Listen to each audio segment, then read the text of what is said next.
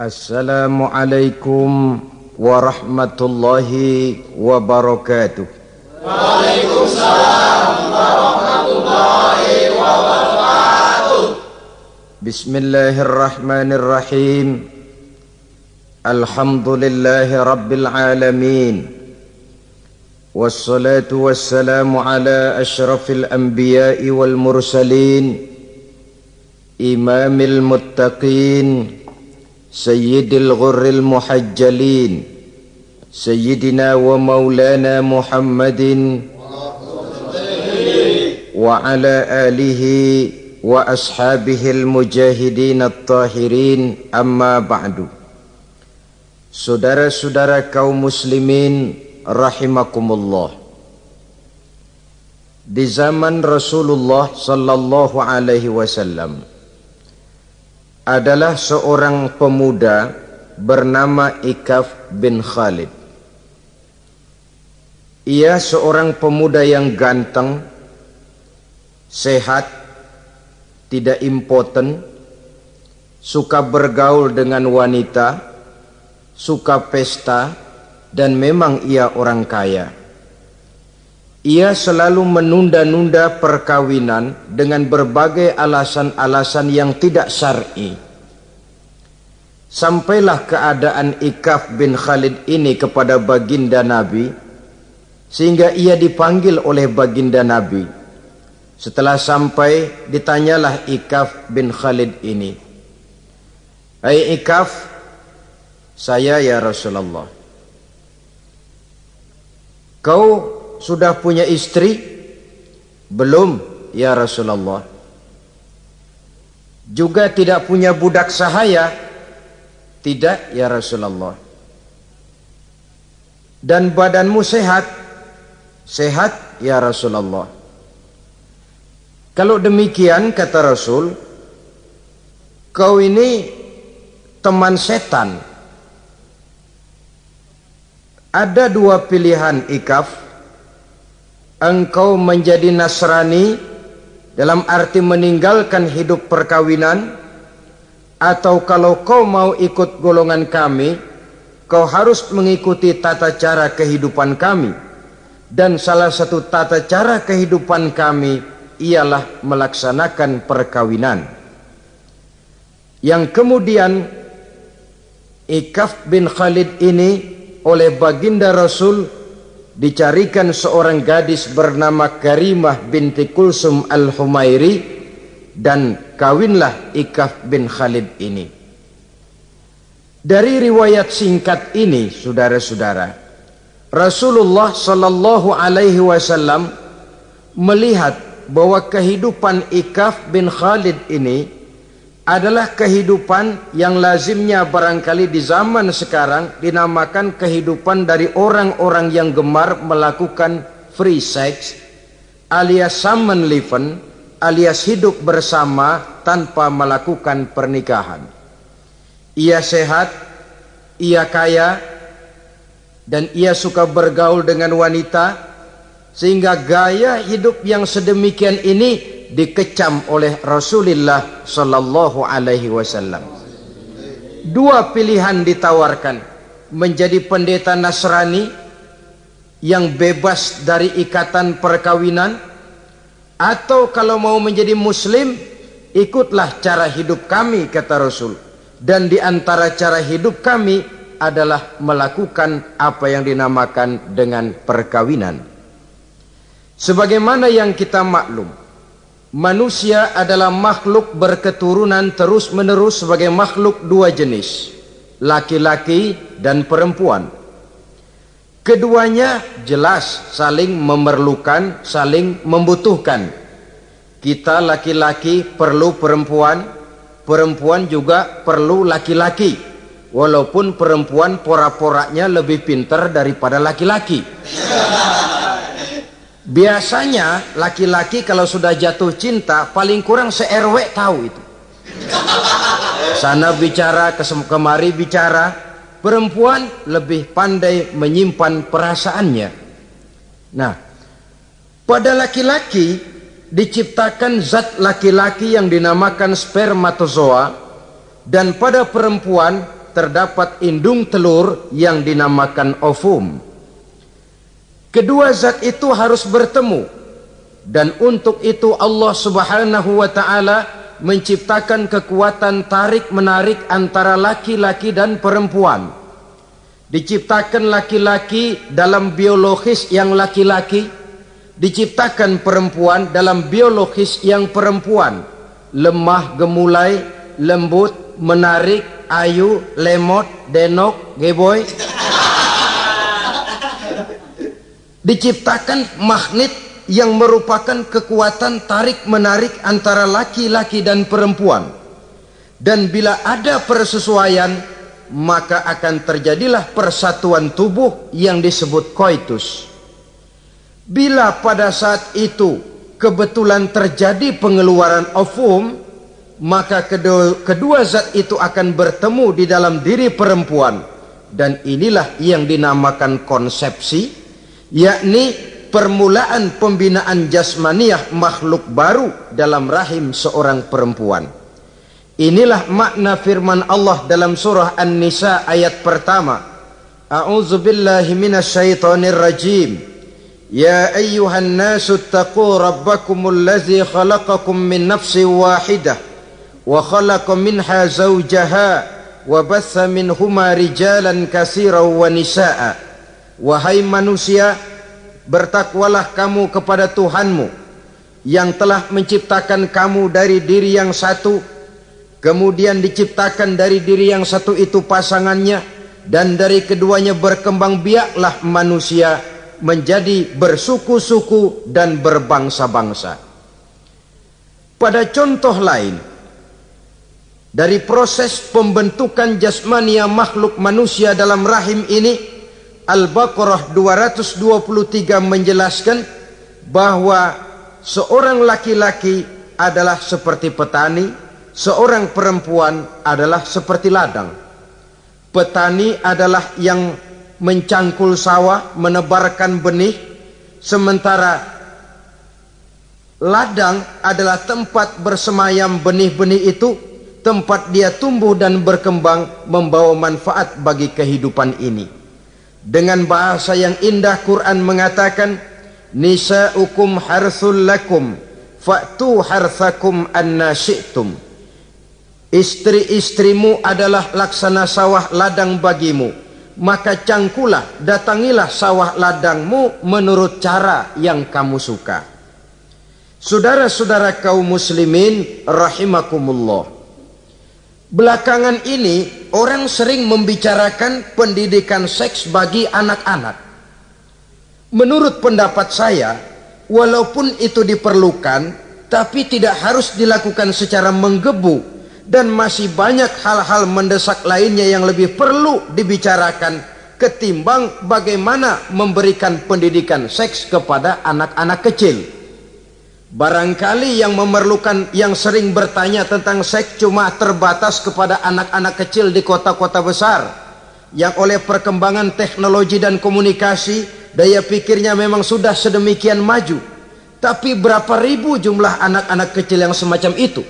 Selebihnya puluhan juta anak-anak kecil yang tinggal di daerah-daerah terpencil di provinsi-provinsi lain di luar keramaian yang sama sekali belum perlu untuk hal-hal yang semacam itu. Haruskah cuma untuk membela yang seribu atau dua ribu orang ini saja, lalu kita mengabaikan yang puluhan juta adanya? Kita masih harus membicarakan bagaimana kurikulum pendidikan yang mapan, kita harus membicarakan bagaimana sistem pendidikan yang memadai. Saudara-saudara, Quran sendiri harus kita katakan berbicara soal seks tapi gaya bahasanya sopan. Ajaran yang terkandung di dalamnya luhur, tidak terbuka belak-belakan. Saya khawatir disalahgunakan nantinya. Maklum ya, yang namanya anak-anak, sifat yang menonjol pada dirinya itu adalah hubbut taklid. Senang meniru. Apa yang dia lihat, apa yang dia baca, apa yang dia tonton, biasanya ingin dia terjemahkan dalam kehidupannya. Kadang-kadang kalau habis baca komik Superman dia kepengen jadi Superman. Itu anak kecil. habis buku baca buku si buta dari gua hantu misalnya pengen jadi si buta dari gua hantu nyari kayu bikin tongkat biasa itu watak yang namanya hubut taklid sekarang kalau kepada anak-anak semacam itu sudah diberikan pendidikan seks saya khawatir. Kadang-kadang tidak dididik saja sudah lancar kok. Apalagi kalau sampai dilakukan pendidikan khawatir disalahgunakan. Saya katakan tadi Quran juga misalnya Al-Baqarah 223 ini. Bicara soal seks tapi sudah lihat gaya bahasanya. Nisaukum harsul lakum fa'tu harthakum anna syi'tum. Istrimu adalah sawah ladangmu. Cangkulah sawah ladangmu menurut cara yang kamu suka. Mau cangkul sambil mundur juga boleh.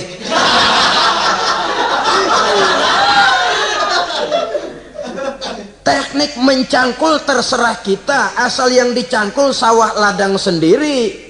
Jangan sawah ladang orang lain dipaculin marah yang punya kita lihat di sini betapa dalam gaya bahasa yang sopan Al-Quran berbicara soal ini Saudara-saudara kaum muslimin rahimakumullah. Kesenangan melakukan hubungan seksual digerakkan oleh satu energi, oleh satu kekuatan dalam diri manusia yang dinamakan insting seksual atau libido. Dan libido merupakan energi yang terbesar dalam tubuh manusia. Ini harus disalurkan. Sebab kalau tidak bahaya Saudara tahu bahaya itu lebih bahaya dari yang bahaya. Pakai tasdid dia, bahaya. Insting seksual apabila tidak disalurkan bisa menimbulkan berbagai macam gejala-gejala yang bisa mengganggu kesehatan diri atau mengganggu lingkungan. Nah, Islam tahu itu. Islam pun tidak ingin menghilangkan nafsu. Islam memberikan legitimasi penyaluran libido, penyaluran insting seksual melalui pintu yang disebut nikah. Des, dengan demikian, nikah merupakan pintu legitimasi untuk manusia di dalam ia menyalurkan insting seksualnya atau libidonya atau kecenderungan untuk melakukan hubungan seksual. Tetapi saudara-saudara, oleh karena yang dinamakan nikah tidak cuma berisi hubungan seksual, tapi juga berisi tanggung jawab dan kewajiban, berisi hak dan pengertian, berisi ketenangan dan sebagainya, maka orang pada umumnya biasanya ingin mencari resiko yang lebih ringan. Hubungan seksnya mau, nikahnya ogah.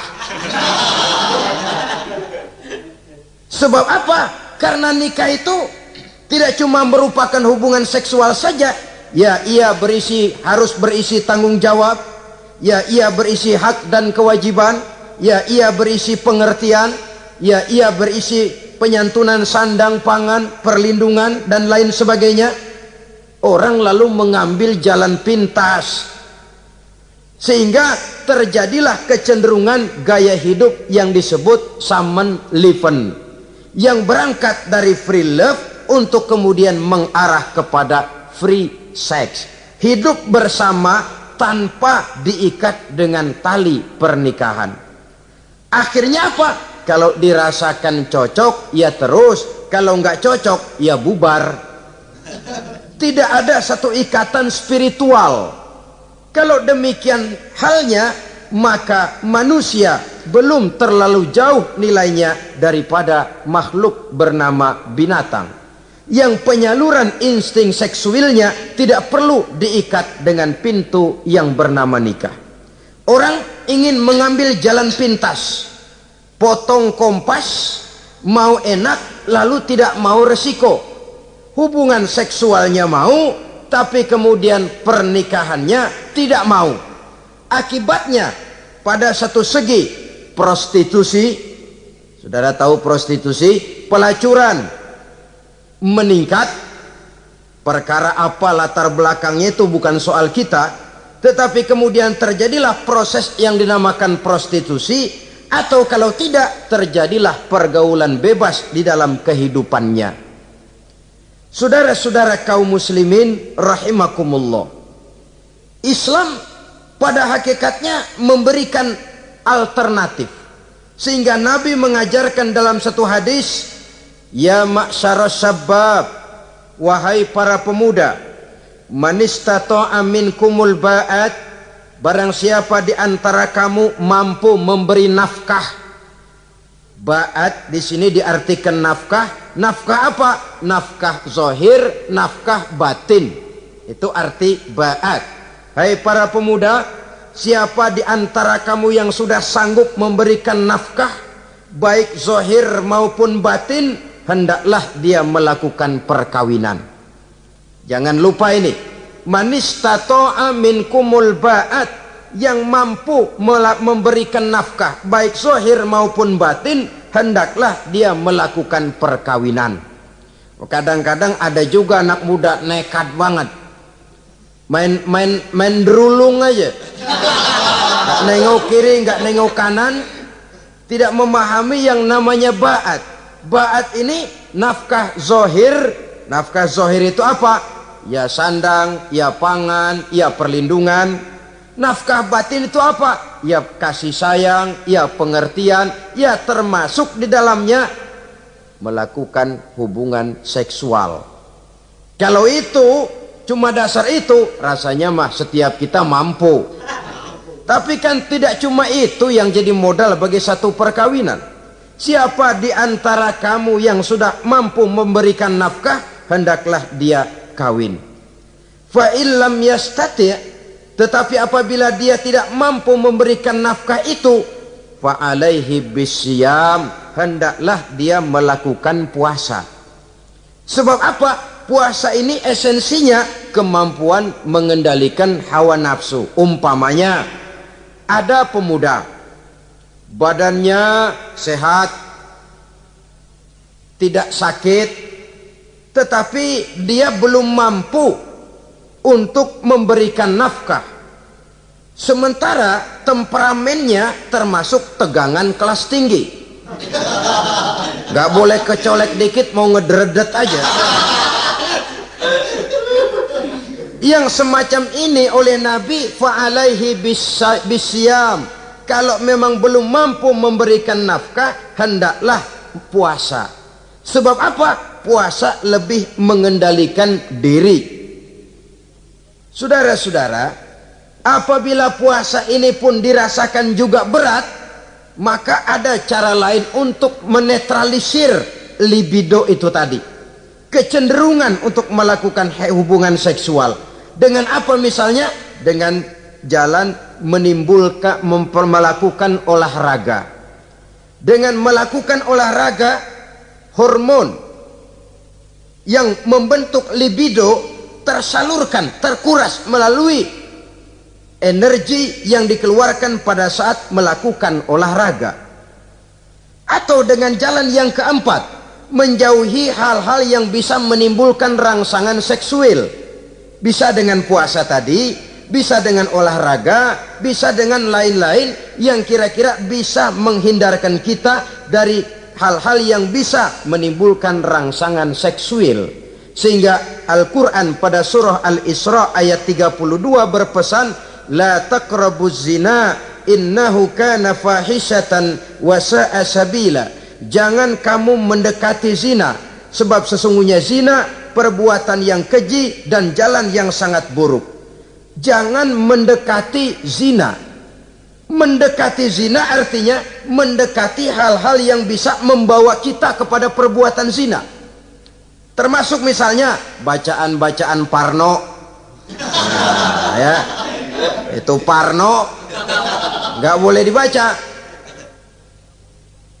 Blue film ngintip, nah ini juga penyakit ini.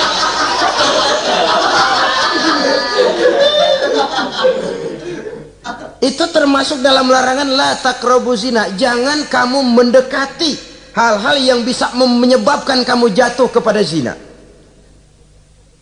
Kalau itu didekati, besar kemungkinan kita akan terperosok ke dalamnya. Sehingga pepatah bilang, kalau takut jatuh ke sungai, jangan main di pinggir sungai. Kalau takut ombak, jangan berumah di tepi pantai. Kalau takut jatuh kepada zina, jangan mendekati hal-hal yang bisa membawa kita kepada perzinaan. Nah, saya merasa prihatin bahwa di mana pun di dunia ini, Modernisasi, kemajuan sering membawa proses pergeseran nilai. Cepatnya arus komunikasi. Apa yang terjadi di Amerika hari ini bisa kita tahu hari ini. Apa yang terjadi di Eropa hari ini bisa kita saksikan hari ini. Proses komunikasi yang sedemikian canggih membawa dampak proses pergeseran nilai dalam diri dan kehidupan manusia. Akibatnya dia banyak tahu, dia banyak melihat, dia banyak mendengar. Kalau dia tidak punya filter, dia akan mudah terhanyut oleh nilai-nilai yang menggeser dia dari tuntunan ajaran agamanya. Maka dengan demikian saudara-saudara, Islam memberikan legitimasi terhadap penyaluran insting seksual melalui pintu yang disebut nikah. Dan Islam mencela apa yang disebut summon leven, free love, atau free sex alias hidup bersama tanpa melakukan pernikahan. Apa yang akan terjadi dalam kehidupan ini apabila manusia bergaul sebebas-bebasnya tanpa terikat lagi oleh norma dan kaedah kehidupan beragama? Sudah cukup banyak korban bergelimpangan dari arus yang namanya pergaulan bebas dengan dalih new morality kebudayaan moral baru yang terlepas dari bimbingan kehidupan beragama. Saudara-saudara kaum muslimin rahimakumullah. Dulu zaman kakek kita itu kalau pacaran saudara-saudara biasanya yang laki di luar yang perempuan di dalam. Paling-paling pagar dibolongin.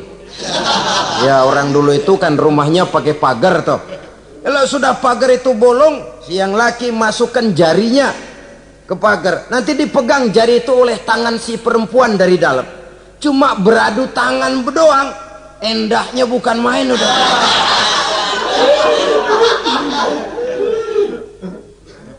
Sekarang saudara-saudara saya lihat kayak orang beli sepatu. Orang beli sepatu curang banget. Beli mah belum tentu jadi nyedengin hayo aja.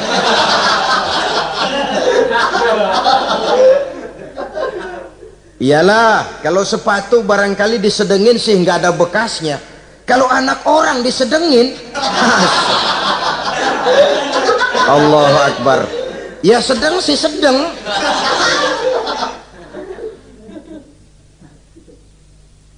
Saudara-saudara kaum muslimin rahimakumullah. Terhadap pintu legitimasi ini pun kalau manusia sudah sanggup memberikan melakukan ba'at baik nafkah zahir maupun nafkah batin. Kalau itu tidak bisa dia lakukan, hendaklah dia menjaga diri dari hal-hal yang bisa menyerumuskan dia ke tempat zina. Bisa dengan puasa, bisa dengan memperbanyak olahraga, bisa dengan menggiatkan belajar, study club, diskusi,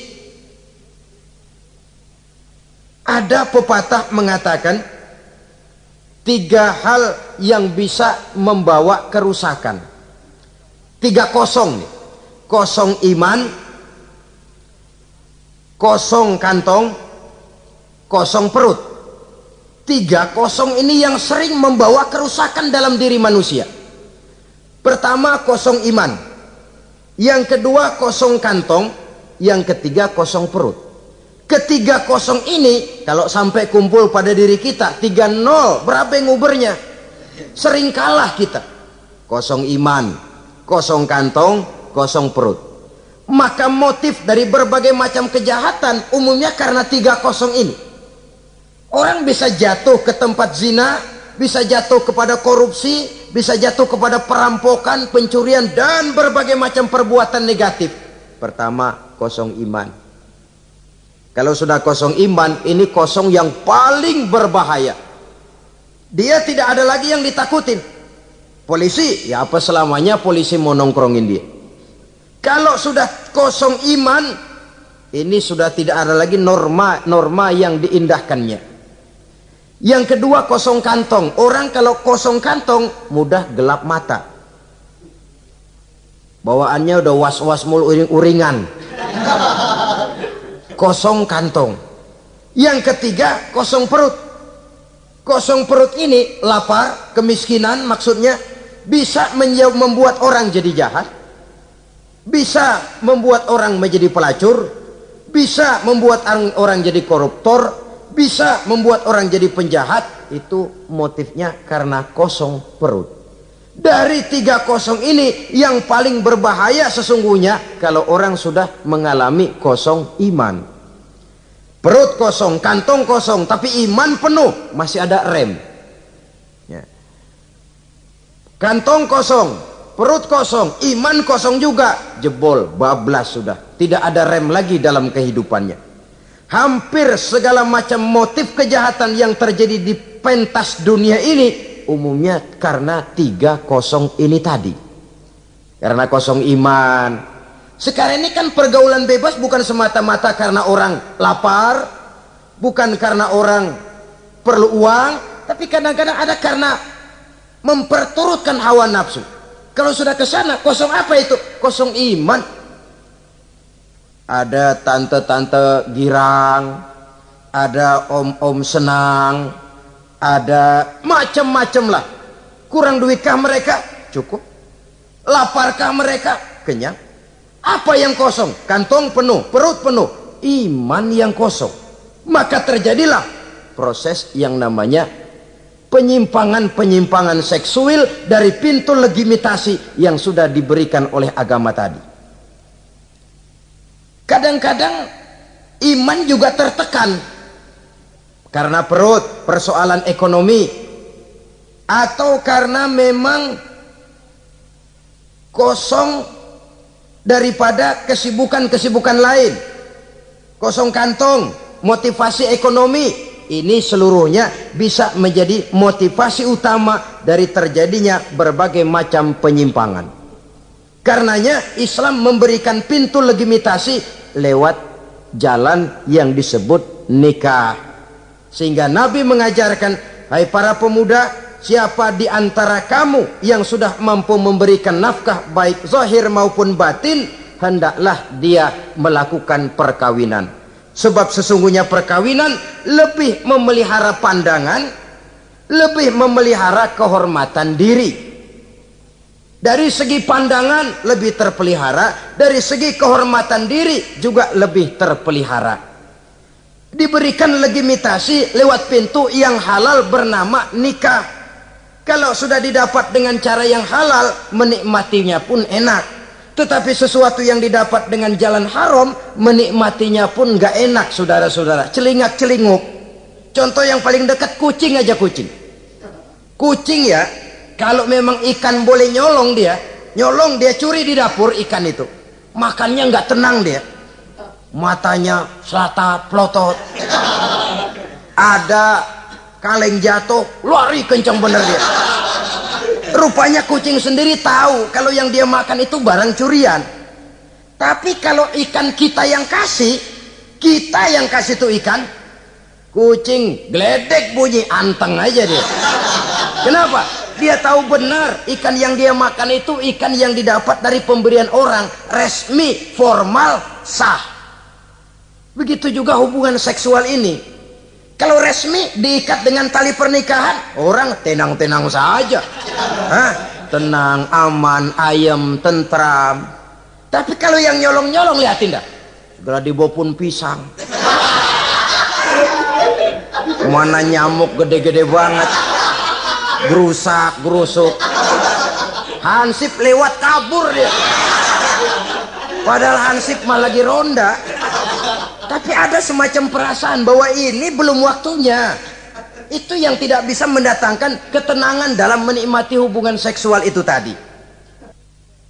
Saudara-saudara kaum muslimin rahimakumullah. Jadi akibat dari pergaulan bebas, free sex ini, bahaya yang pertama tadi itu. Hilangnya ketentraman dalam hidup. Mungkin orang lain tidak tahu, hansip nggak lihat. Orang tua bisa kita bohongin tapi ketentraman. Was-was apalagi kalau kita merasa bahwa ini akan menimbulkan satu akibat. Entah dalam dalam bentuk nantinya terjadi kehamilan. Si laki-laki juga tidak tenang khawatir kalau nanti dituntut. Si perempuan juga setelah melakukan pergaulan bebas itu hilang ketentraman hidupnya apalagi kalau dia harus kehilangan sesuatu yang sangat berharga dalam kehidupannya. Kegadisan katakanlah keperawanan katakanlah begitu. Sesuatu yang semestinya dijaga dan dijunjung tinggi. Tapi kadang-kadang memang cinta inilah yang namanya cinta. Sehingga cinta itu katanya buta. Kalau sudah buta apa saja terasa jadi indah apa saja diserahkan akibatnya mahkota yang paling berharga sering hancur berantakan sebelum pada waktunya. Akhirnya ketentramannya hilang. Hidupnya gundah gelisah. Pada mulanya memang dia tidak merasa cerah segalanya menjanjikan dan menyanyikan keindahan. Tapi setelah proses pergaulan itu terjadi dia kehilangan kegadisannya si pemuda resah si gadis pun gelisah apa yang dia tunggu? Jangan-jangan. Nah, jangan-jangan. Jangan-jangan.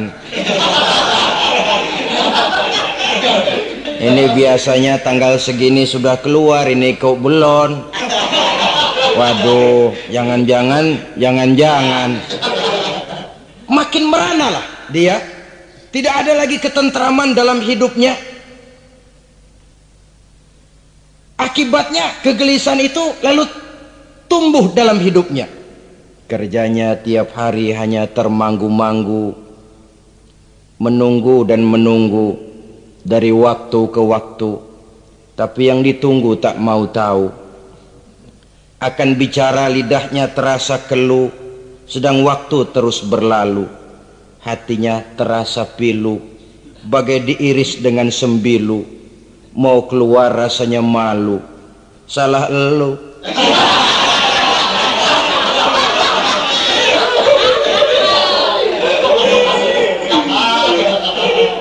iya toh salah elu ngapa nggak sabar nunggu pengulu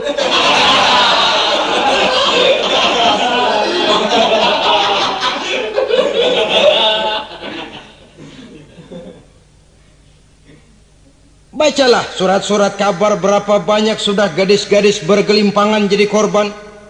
Berapa banyak sudah bayi-bayi yang lahir ke dunia ini tanpa tahu ke mana dia harus memanggil bapak. Apakah deretan jumlah korban ini masih harus terus bertambah, bertambah dan bertambah? Dengan dalih modernisasi, dengan dalih kemajuan zaman, dengan dalih kebebasan pergaulan, dengan dalih emansipasi. Lalu menginjak moral yang seharusnya kita junjung tinggi-tinggi sampai kemudian merendahkan harga diri kita sebagai manusia hilangnya ketentraman dalam hidup bahaya yang kedua dari pergaulan bebas ini berjangkitnya penyakit kelamin penyakit yang saudara-saudara tentu tahu tidak tanggung-tanggung raja namanya raja singa Barangkali sekarang sudah ada suntikan penisilin, boleh jadi. Barangkali sudah ada pil KB yang bisa mengatur saat-saat orang melakukan saat-saat orang bisa menstruasi, boleh jadi. Tapi alat-alat itu memang kalau disalahgunakan bisa merangsang terjadinya pergaulan bebas. Terjadinya penyakit kelamin. Pada lain segi, saudara lihat saja, sering dicontohkan kalau pagi-pagi PLN bikin pengumuman nanti malam listrik akan mati total seluruh kota wah tahu kita ini nanti malam listrik bakalan mati pagi-pagi sudah beli baterai kita. Masukin batu baterai ke dalam baterai. Dari pagi sampai sore itu baterai kita sorotin terus padahal masih siang. Apa yang terjadi? Nanti maghrib datang malam tiba nyorot lagi. Udah soak batunya. Kenapa? Lantaran dari pagi sepanjang siang disorotin terus. Belum waktunya baterai nyempret terus. Begitu malam udah soak nggak terang lagi. Sama saja kita juga begitu. Belum nikah dipakai terus. Mumpung. Masih siang nyorot terus baterai itu nanti kalau sudah malam masuk pintu pernikahan baterai bisa soak mau nyorot lagi lah remeng-remeng udah nggak punya daya begitu masuk pintu pernikahan cuma celam-celam doang.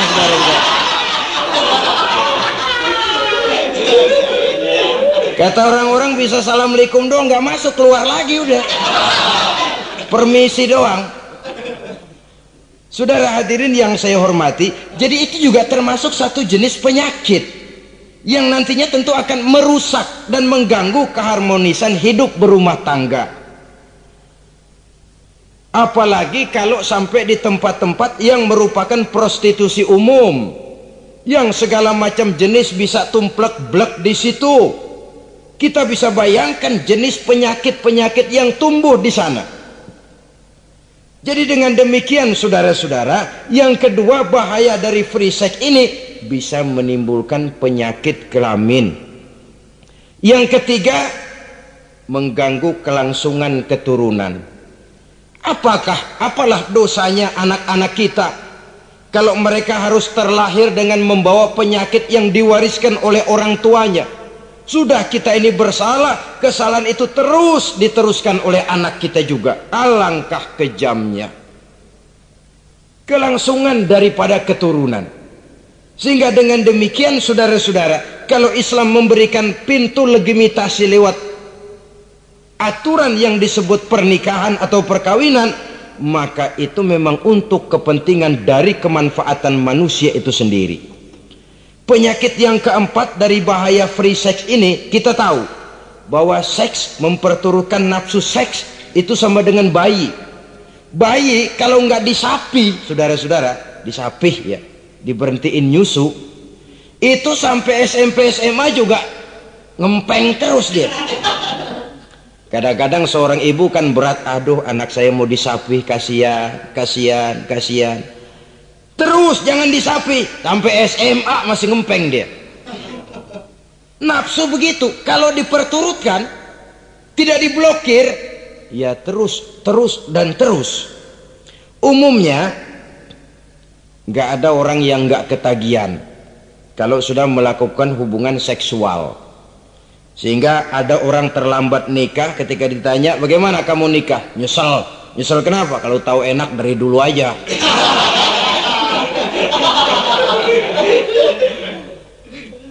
Nah, sekarang kecanduan, kecanduan terhadap hubungan seksual ini akan membawa dampak tadi.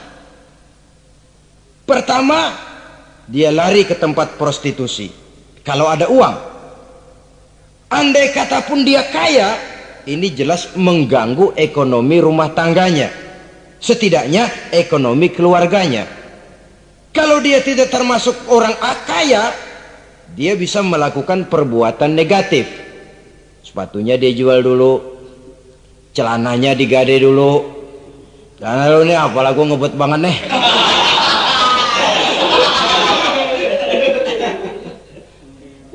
itu sudah mengarah kepada ekonomi. Belum lagi penyakit yang kelima bahwa free sex ini bisa membawa kehancuran karier.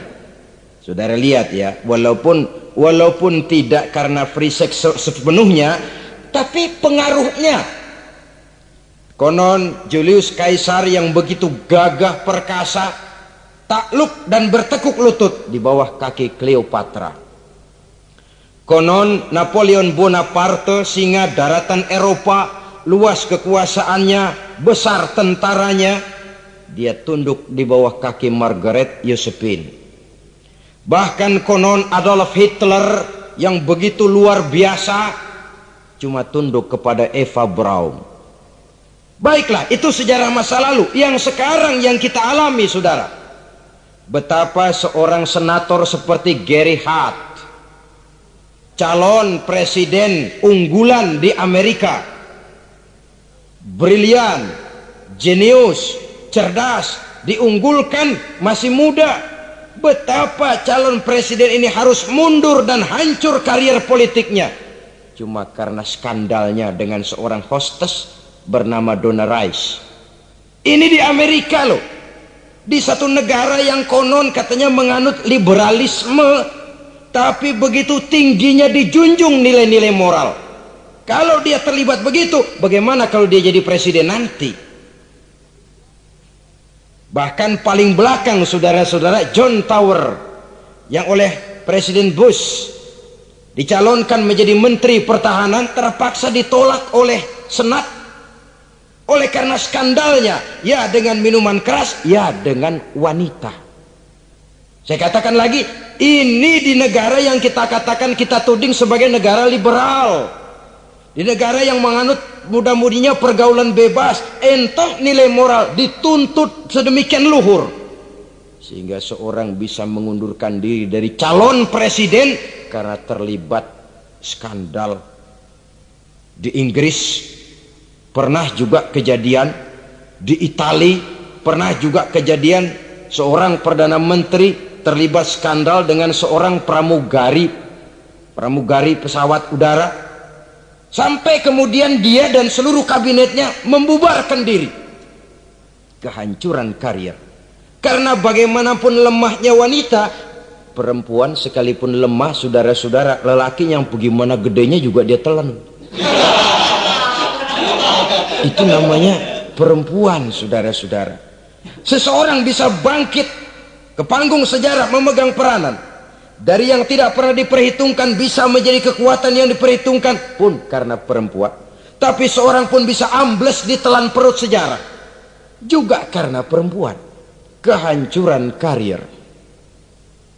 Sebab pangkat yang tinggi badan yang sehat bukan merupakan jaminan bahwa seseorang akan mampu menghadapi bujuk rayu dari seorang perempuan saudara-saudara kaum muslimin rahimakumullah oleh karena itu, mari sayangi diri, sayangi karier, sayangi ekonomi rumah tangga.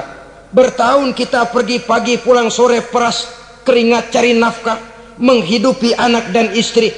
Haruskah dia jadi hancur cuma oleh karena kecanduan kepada pelacur misalnya? Memang yang namanya pelacur tentu saja memikat, mempedoya, mempedaya, mempesona, Saudara-saudara kaum muslimin rahimakumullah. Karena apa? Karena yang dicari uang mereka toh dagang. Taktik orang dagang tentu harus mampu mampu memikat pembeli. Jangan lalu merasa senang. Waduh ini malam mujur banget nih. Ngapa? Dapat yang baik banget sama gue. Waduh ramah lagi orangnya. Hmm, udah endah aja udah. Ya wajar saja namanya orang dagang.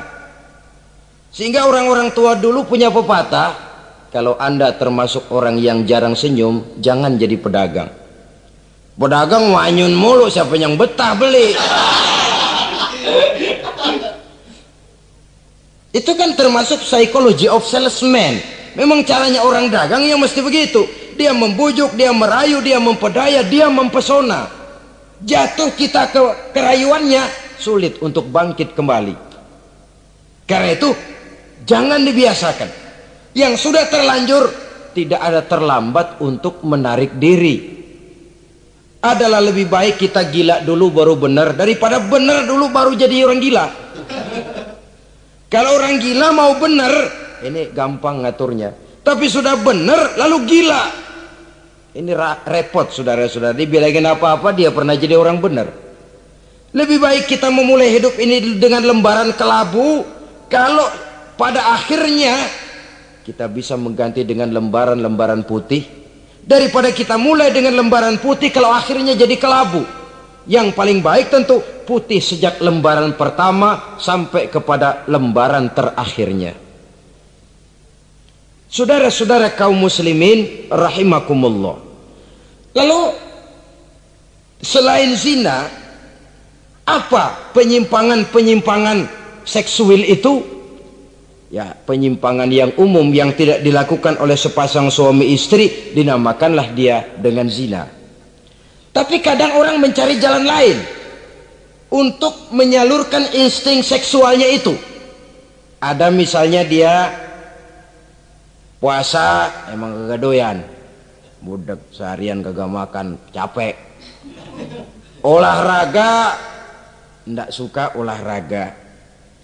Sementara tegangannya tegangan tinggi. Baca buku yang parno seneng. Kalau ngomong selalu yang nyerempet-nyerempet. Akibatnya apa? Dia puasa tidak, olahraga tidak. Dia bisa jatuh kepada yang disebut onani atau masturbasi.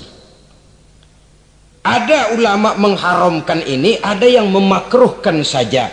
Tapi bagaimanapun itu merupakan satu perbuatan dosa. Sungguh pun oleh ilmu kedokteran tidak dipandang sebagai sesuatu yang membahayakan barangkali.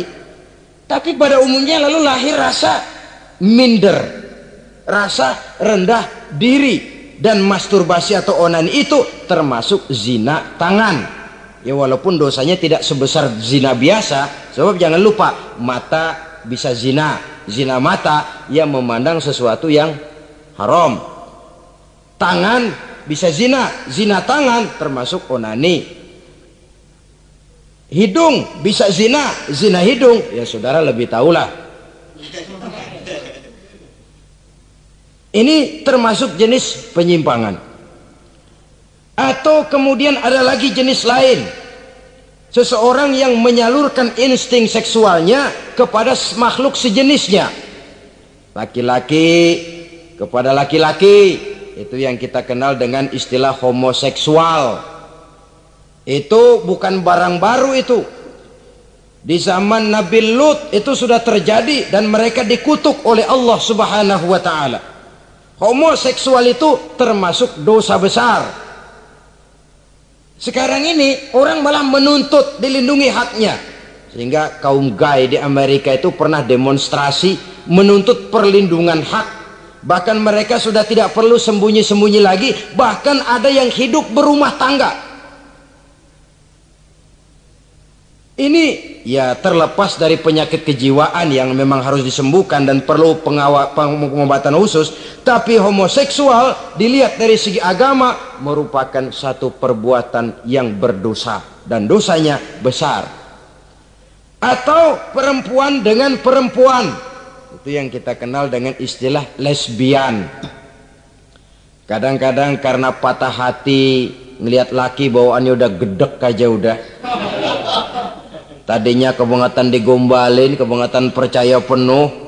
Habis turayuan 17 lapangan keluar semua.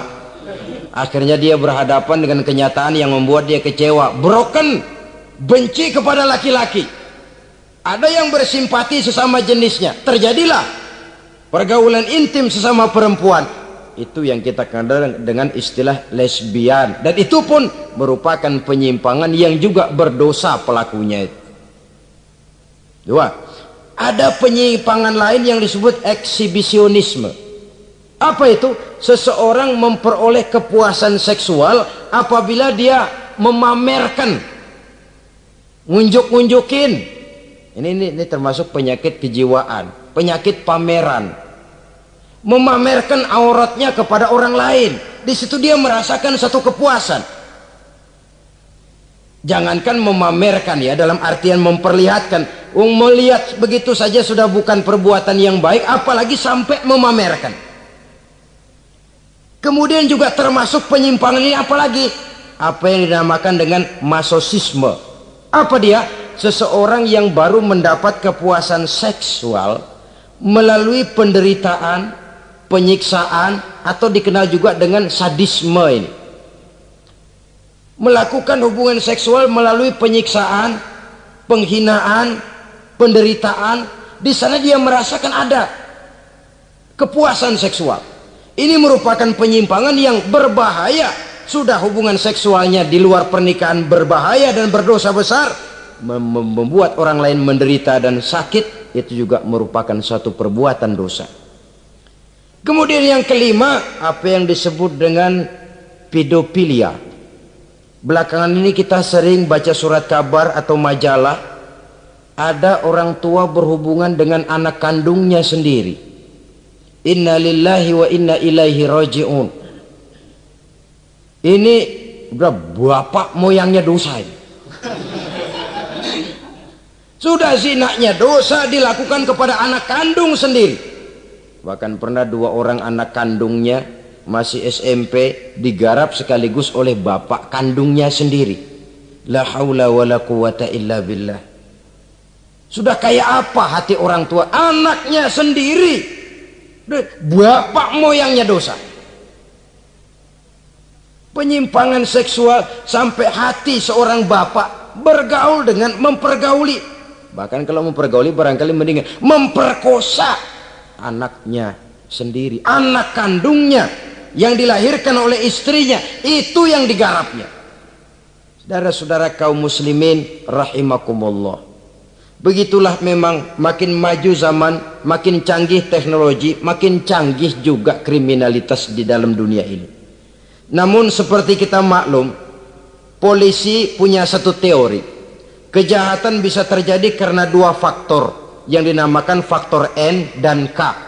Niat dan kesempatan. Niat ada, kesempatan tidak ada, sulit untuk berbuat jahat kesempatan ada niat tidak ada tidak jadi orang berbuat jahat tapi di antara dua faktor ini yang paling utama sesungguhnya adalah faktor N faktor niat kalau niat sudah kuat kesempatan bisa diciptakan waktu bisa ditunggu momen bisa dinantikan tapi kalau niat yang tidak ada bagaimanapun banyak kesempatan kita tidak akan mungkin untuk bisa melakukan kejahatan karena faktor niat itu yang tidak ada. Oleh karena itu agama mengajarkan ala inna fil jasadi mudghah iza salahat salahal jasadu kulluh wa iza fasadat fasadal jasadu kulluh ala wahiyal qalbu ketahuilah bahwa dalam tubuh manusia ada segumpal daging. Jikalau daging itu baik seluruh tubuh akan menjadi baik. Jikalau daging itu rusak seluruh tubuh akan menjadi rusak.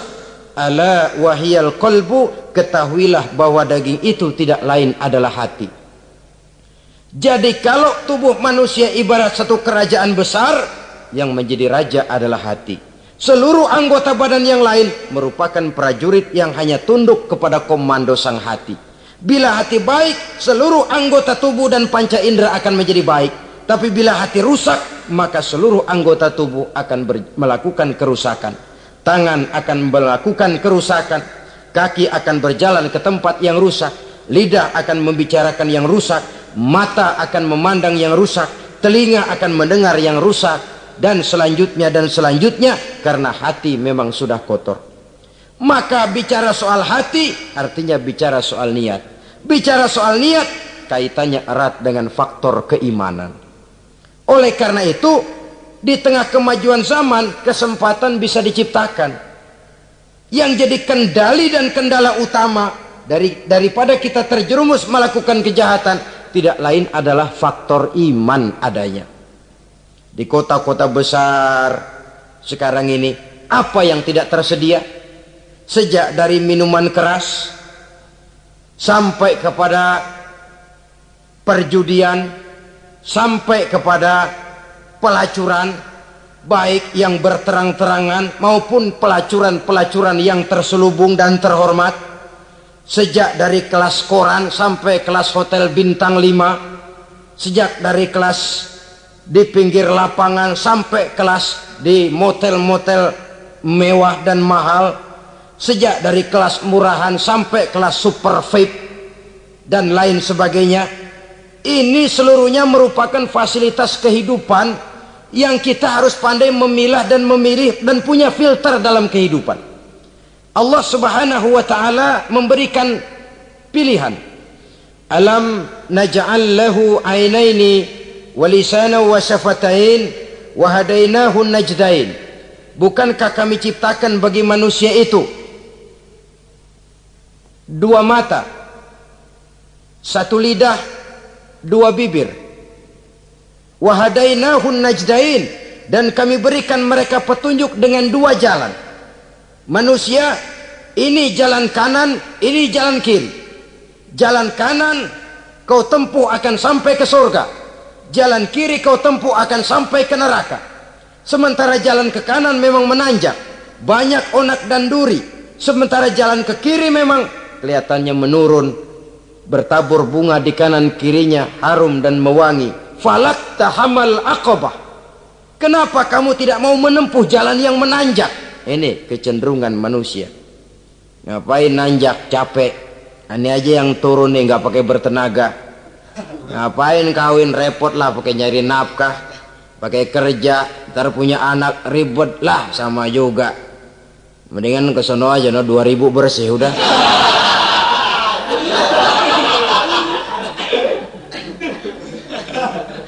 Falak tahamal akobah. Mengapa kamu tidak mau menempuh jalan yang nampaknya menanjak ini? Padahal di ujungnya menanti pancaran sinar kebahagiaan. Kau turuni jalan yang kelihatannya menurun ini. Padahal di bawahnya menunggu jurang kehancuran yang sangat teramat dalam.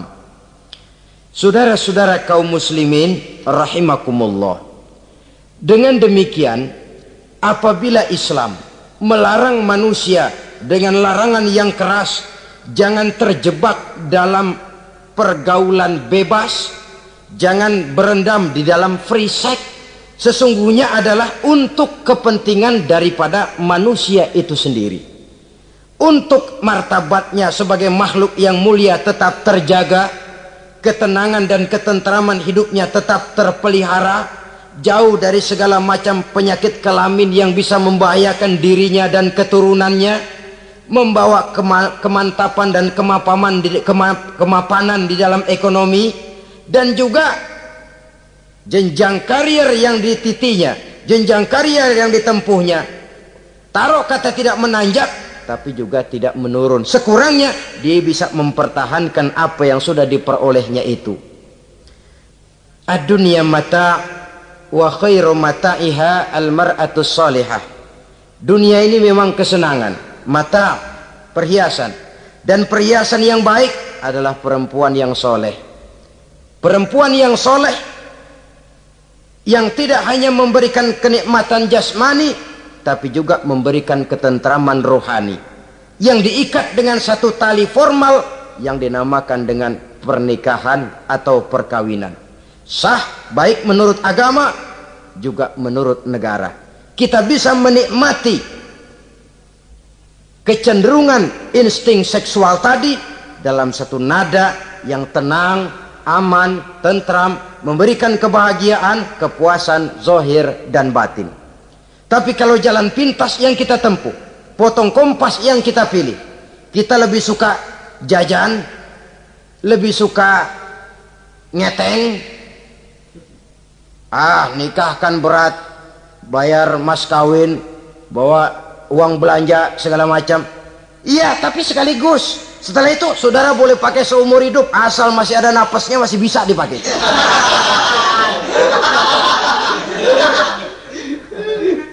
Tapi apabila potong kompas tadi jajan yang kita tempuh kelihatannya memang ringan.